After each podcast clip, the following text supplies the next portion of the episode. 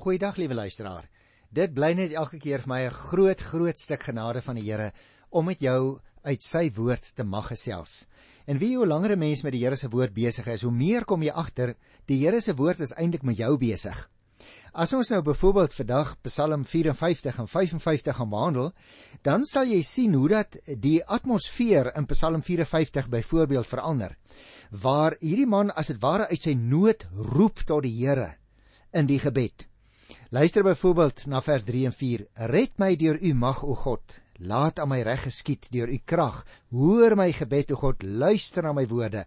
Maar as jy hom lees by vers 8 en 9 hier in Psalm 54, dan het daardie smeekbede verander in 'n lofsang. Hy sê dan sal ek offers aan U bring, selfs meer as wat U vra. Ek sal U naam loof, Here, want U is goed.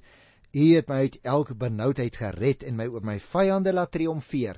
So as daar iemand is wat vandag na ons program luister wat miskien baie probleme het, dalk sommer net voel jy lê onder in die gat, dan is ek so bly jy het by ons ingeskakel, want hoor dan die woord van die Here ook vandag vir jou in jou spesifieke omstandighede.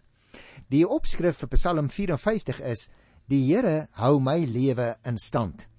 Nou liewe luisteraar, die agtergrond of as jy wil die historiese konteks waarbinne hierdie Psalm eintlik sy inhoud vind, is natuurlik 1 Samuel hoofstuk 23.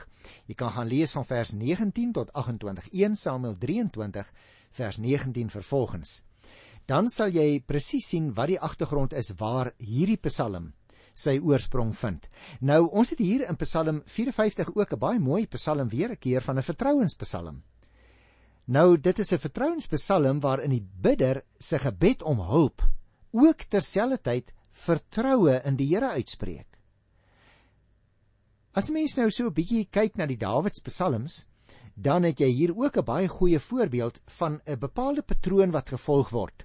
Met ander woorde, dit begin met 'n gebed, soos ek nou nou gesê het in vers 3 en 4, en dan gaan die Psalm oor en eindig eintlik in 'n lofsang.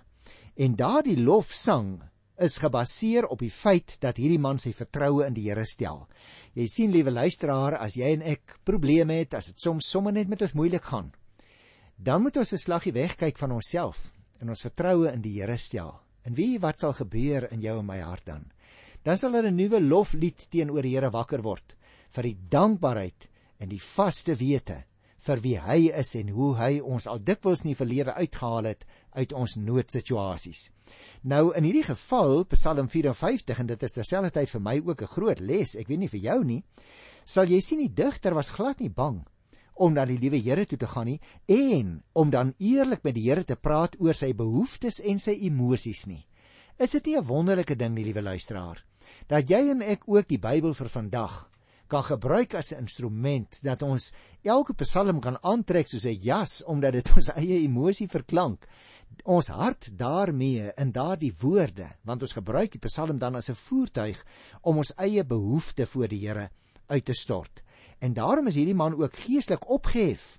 Kon hy nie anders nie om as om teen die einde van die Psalm sy Skepper en sy beskermer en sy vriend die Here te prys nie.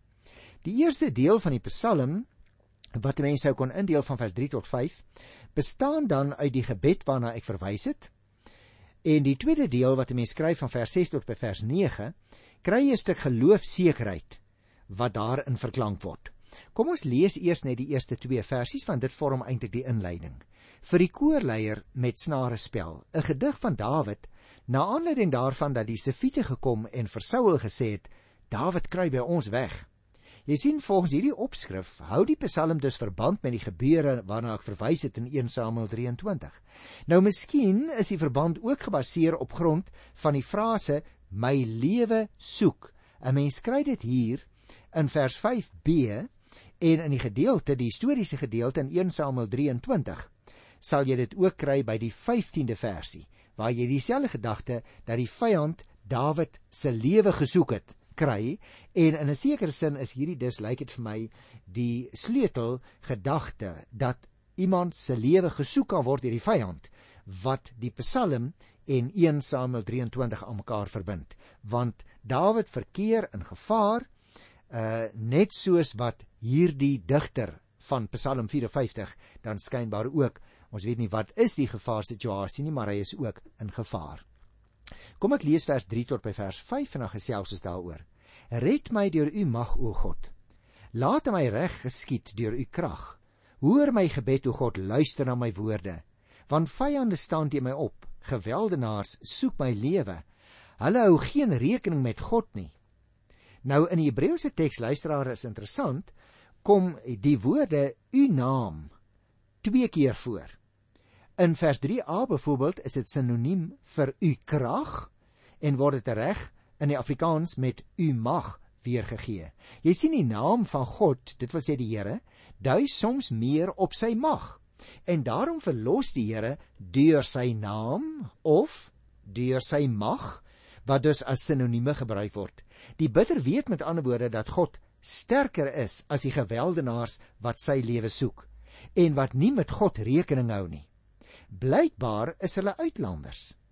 Want as 'n mens kyk in Jeremia 29 vers 4, dan kry jy die gedagte dat uitlanders soms ook so beskrywe word dat hulle dus nie met God rekening hou nie.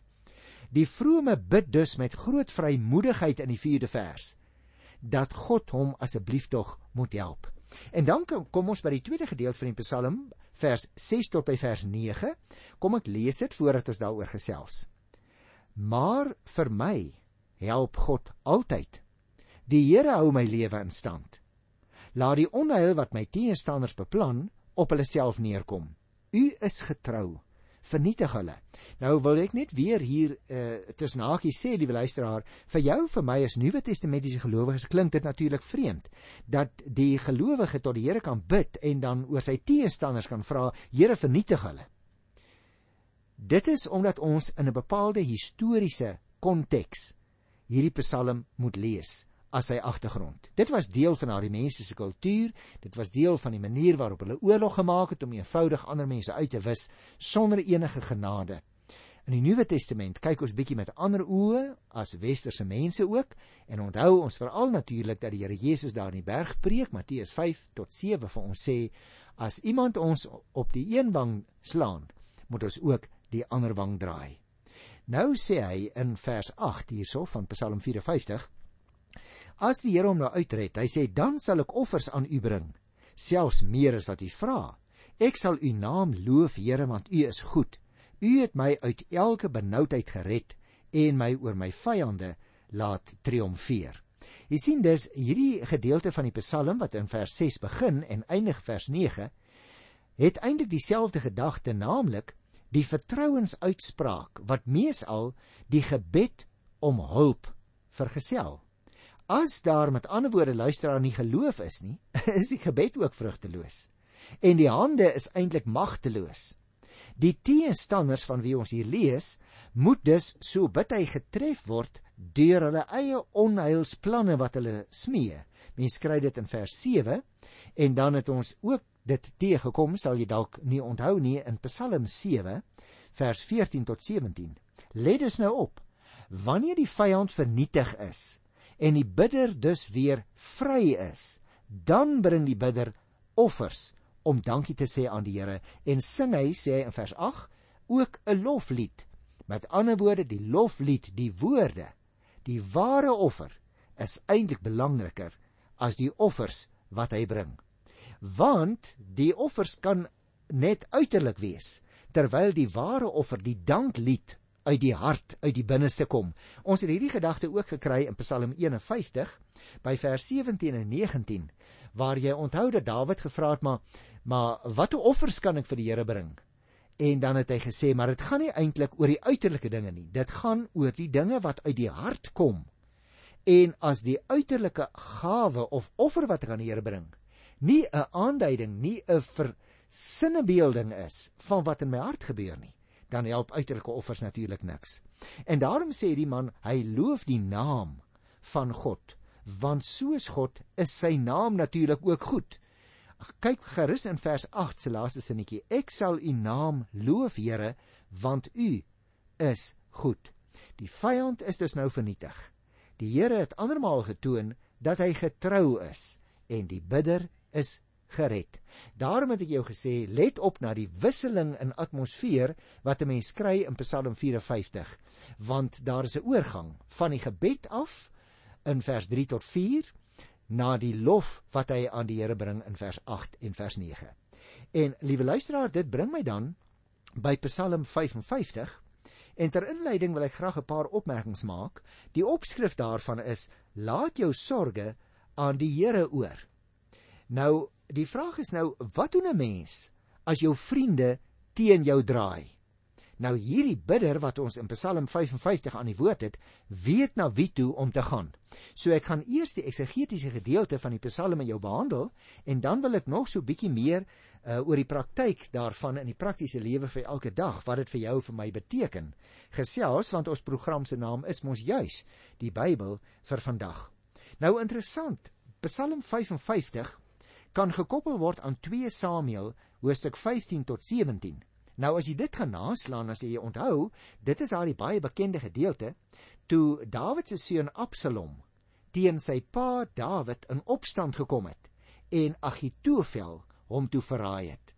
Nou sommige mense meen ook dat veral die tweede gedeelte van vers 13 af van Psalm 55 vir ons 'n aanleiding is van 'n messiaanse verwysing juis om ons te herinner aan Judas se verraad. Nou het ek al met jou gepraat oor messiaanse verwysings en ek dink ons het hier 'n goeie voorbeeld, liewe luisteraar, waar mense eintlik eers vanuit die Nuwe Testamentiese perspektief kan terugkyk op 'n uitlating soos die wat ons kry hier in Psalm uh, 55 en dan sê daardie Psalm herinner my nou by wyse van terugskouing aan Judas se verraad gaan kyk gerus in Matteus by die 26ste hoofstuk by vers 14 en 16 en ook vers 20 tot 25. Nou maar dit is die agtergrond waarom daar ook in die verlede al verwys is na Psalm 55 as een van die sogenaamde messiaanse psalms. As jy nou dan die hele Psalm kyk, dan handel die inhoud breedweg oor die volgende: Die digter word naamlik bedreig deur mense in sy eie kring wat teen hom gedraai het en wat dis nou eintlik sy vyande geword het as ek vers 13 reg verstaan. Daar heers dus wanorde en geweld in die stad. Nou, miskien wil ek ook dadelik by sê, miskien dateer hierdie gebeure ook uit die tyd toe Dawid vir Absalom moes vlug, soos ek net nou vir jou gesê het. Nou goed, liewe luisteraar, kom ons lees die eerste 9 verse van Psalm 55 en dan gesels ons daaroor. Vir die koorleier met snare spelle gedig van Dawid. Hoor my gebed o God. Moet tog nie verskillig staan teenoor my smeking nie. Luister na my gebed en antwoord my. My sorges gee my geen rus nie. Ek is hewig ontstel oor die dreigemente van my vyande en oor die druk van slegte mense op my. Hulle wil my met onreg breek. Verwoed stook hulle vyandskap teen my. My hart krimp in mekaar en my doodsangs oorval my. Vrees en skrik oorweldig my, my hele liggaam bewe. Ek het gedink, Ag, as ek maar vlerke soos 'n duif gehad het, sou ek wegvlieg en 'n woonplek soek. Ek sou ver wegvlieg en in die woestyn gaan bly. Ek sou haastig probeer wegkom van hierdie onstuimige wind, van hierdie storm af. Jy sien die pragtige beelde wat die digter hier gebruik om sy eie situasie te beskryf. Let byvoorbeeld op. Die bidder begin direk met sy gebed om hulp en die beskrywing van sy nood. As gevolg van die direktheid en die dringendheid van sy nood, is die opregtheid van die bidder baie treffend, né? Want hy's omdat hy regtig in die nood is, is hy baie eerlik voor die Here. Hy's 'n mens in nood, maar wonderlik, hy weet om daarmee na die liewe Here toe te gaan. Maak jy ook so as jy in 'n noodsituasie is, luisteraar? As jy benoud is, mag ek ook vir jou vra, gaan jy soms net in jou benoudheid na die Here toe en nie ook in die goeie tye nie? Jy sien hierdie man ken die Here en daarom wanneer die nood oor sy lewe losbars, dan weet hy ook om na die Here toe te gaan. Dit is deel van sy lewenswyse. Want nadat die bidder sy nood in vers 2 tot 4 uitgespreek het, stel hy in vers 5 en 6 sy angs in die middelpunt. Hy gaan met die met die baarheid wil ek amper sê van sy angs na die Here. Toe mense hoef nie maskers op te sit as jy na hom toe gaan nie. Luisteraar, jy kan met jou eerlike emosie en gevoel na hom toe gaan nou moet jy oplet, dit is nie dat die Here onverskillig staan teenoor mense smeking nie, né? Die Here is glad nie onverskuldig ook teenoor 'n mens se ellende nie.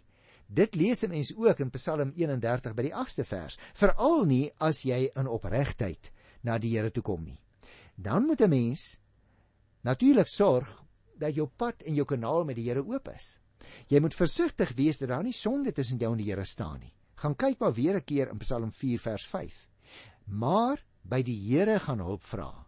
En dit doen die bidder juis in sy rustelose gemoedstoestand, want hy sê in die 6ste vers dat sy hele liggaam eintlik geaffekteer is, wat veroorsaak is deur die dreigemente van die goddelose. Hierdie man bewe eintlik van angs, van aandoening oor die situasie waarin hy is en hy gaan net so in daardie ek wil amper vir jou sê naaktheid van sy emosie na die Here toe. Vers 7 en 9 het jy daai pragtige beeld gekry van die duif wat wegvlieg. Hy sê ag as ek nou maar net vlerke gehad het soos 'n duif en kon ek geweggevlieg het van die gevaar toestand af, dan kon ek elders 'n veilige en 'n rustige heenkome vind. Dis eintlik 'n baie pragtige beeld, nê? Nee? Maar die bidder is nou nie 'n duif nie, net soos jy en ek. Hy's 'n mens met verantwoordelikhede. Wêreldontvlugting, liewe luisteraars, het nog nooit 'n probleem opgelos nie. Veral, veral nie as jou probleem oor jou woed soos 'n sterk stormwind nie. Dis 'n ander beeld.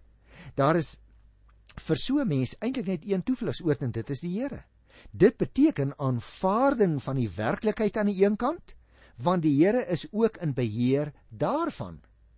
Daarom aan die ander kant, luister nou na vers 10 tot 12. Dryf hulle uitmekaar, Here, maak hulle taal onverstaanbaar vir mekaar. Ek sien geweld en oproer in die stad. Dag en nag maal hulle rond op sy mure. Daar binne is onreg en onheil. Daar heers wanorde in die stad. Op sy pleine is daar net verdrukking en bedrog. Jy sien in hierdie 3 verse, vers 10 tot 12, vra die bidder dat die Here moet ingryp soos destyds toe die toring van Babel gebou is, daar in eh, Genesis 11. Onthou jy nog? Bondgenote moet mekaar nie meer kan verstaan nie. Dit is sy gebed. Die bidder gebruik agt uitdrukkings om die toestand in die stad te skilder. Mag ek die woorde net vir jou sê om daardie uitdrukkings wat vir ons hierdie toestand wat heers beskryf.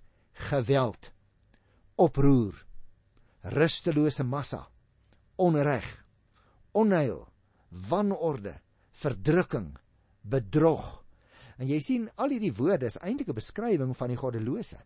Later voeg die bidder ook nog by boosheid in vers 16. Ek gaan net daarby kom en vleitaal en 'n gladde tong en hy sê dat hulle moordenaars is en dat hulle bedrieg. So kom ons haas ons hier na vers 13 tot by vers 16. Hy sê en nou moet ons mooi luister. Hy sê as dit nog my vyand was wat my smaad aangedoen het, sou ek dit kon verdra. As dit 'n teenstander was wat my wou verneder, sou ek hom nog kon probeer vermy. Maar nou is dit jy, 'n man soos ek, my maat en my goeie vriend. Ons was hoe nou aan mekaar verbonde, opgewonde het ons saam na die huis van God toe gegaan. Mag die dood my vyande oorval. Mag hulle onverwags neerdaal dat die doodryk, want in hulle huise en harte heers daar boosheid. Jy sien, hierdie man sê, dit is nie net die vyande wat my bedreig nie, maar die ergste van alles is vir my, dis 'n medegelowige, volgens vers 15b wat dit doen. 'n vyand in vers 13 en 'n teestander vers 13 se laaste gedeelte van hulle van hulle sou hy dit nog kon verwag ja. En hy sou hulle kon probeer vermy sê hy.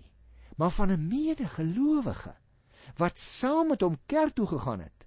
Dit is dus baie duidelik dat die klag wat hy voor die Here uitstort toeneem in intensiteit die bidder vra dus dat die Here moet ingryp soos destyds met die toring van Babel die vyandige bondgenote moet mekaar glad nie meer kan verstaan nie.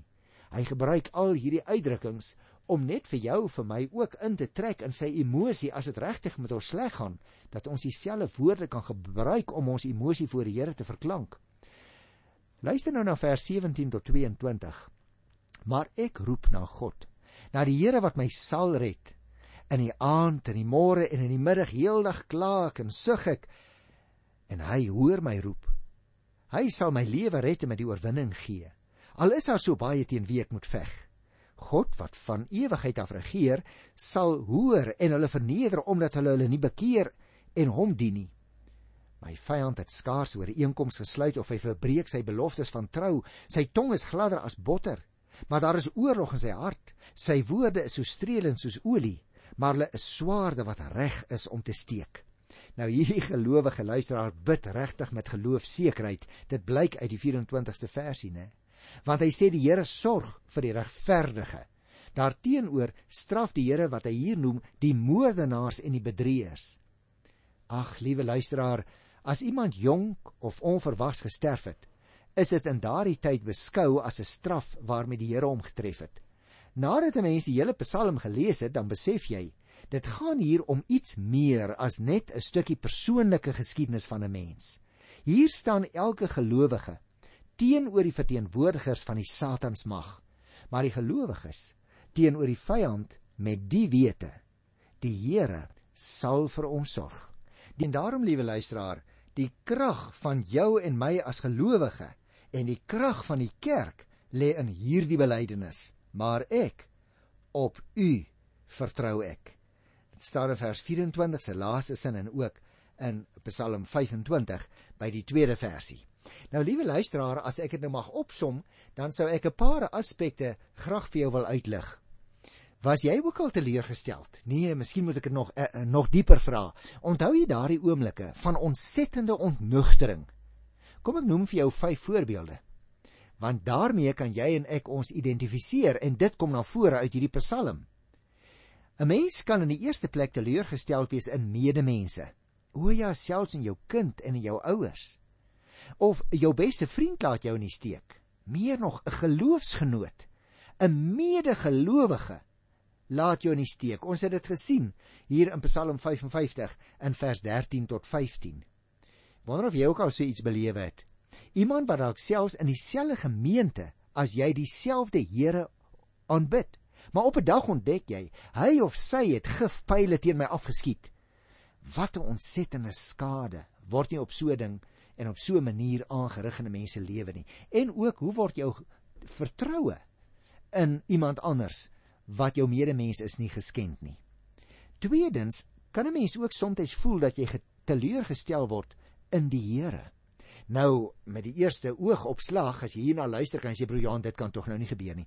En tog liewe luisteraar dink 'n bietjie aan jou eie uh, voorbeelde in jou eie lewe. Dink byvoorbeeld aan 'n geloofsheld soos Abraham. Aan die aan die een kant was daar 'n oomblik toe die vlamme van vertroue in die Here so hoog in sy hart gebrand het dat hy sy pa en sy medemense verlaat het net omdat die Here met hom gepraat het en omdat hy die vertroue van sy hart in die Here geplaas het. En daarom los Abraham sy pa en sy ma, hy los sy hele familie net so en hy trek weg. Maar aan die ander kant breek daar ook uiteindelik vir hom 'n oomblik aan van waarheid, van ontnugtering wil ek amper vir jou sê. Hy was immers al 75 jaar oud toe hy weggetrek het uit Haran. Onthou jy nog ons het dit behandel by Genesis 12 vers 4. Vir 25 jaar moes hy teleurgesteld op die dor aangesig van die aarde swerf. En hy was teleurgestel in die Here. Mens kan natuurlik ook in die derde plek deur jou landsleiers ontnugter word. Amos vertel daarvan hoe dat hy teleurgestel is in die leiers van die Noordryk Israel in sy tyd. Dit is omtrent 2800 jaar gelede. In Juda het dit ook later gebeur, né? In ons eie tyd weet ons van leiers wat vir jou en vir my as individue en as groepe in die land teleurgestel het. Maar ek wil 'n vierde groep noem. 'n Mens kan teleurgestel raak in jouself. Dink nou maar 'n bietjie soos ou Job gevoel het oor homself. Dat hy gehoop het en gebid het dat die Here hom maar liewer moet wegneem dat hy kan sterwe. Selfs Elia, né? Ek onthou die man wat op 'n dag voor my kom sit het om te vertel van mense lewens wat hy geneem het in die tyd van die struggle in ons eie land wat gelukkig nou verby is. Hoe dat hy in homself teleurgesteld geraak het. Was dit al met jou ook so, liewe luisteraar? En daarom wil ek vir jou 'n vyfde voorbeeld noem. Die Here is dikwels in jou en in my teleurgestel. En dis 'n ernstige saak, dis miskien belangriker as jou en my teleurstelling. Daardie kere toe ons gedink het ons doen wat die Here van ons verwag en dan doen ons eintlik presies die teenoorgestelde. Daardie tyd toe ons soos met 'n telefotolens gekyk het of 'n tunnelvisie ontwikkel het, nê, dat ons God blameer het vir dinge waarvoor ons eintlik persoonlik self verantwoordelik was. Dink net hoe ongelooflik teleurgesteld moes die Here in jou en in my gewees het. Maar nou, liewe luisteraar, wil ek vir jou herinner, wat doen 'n mens as jy in jouself of in medemense teleurgestel is? Kom ons gaan terug na die Here toe. Levitikus 26 sê vir ons wanneer julle julle sondes bely, erken dat julle my teëgestaan het, dan sal ek die beloftes wat ek gegee het weer van krag maak. Julle sal julle skuld moet erken dat julle my bepalinge verwerp het, my voorskrifte met minagting behandel het.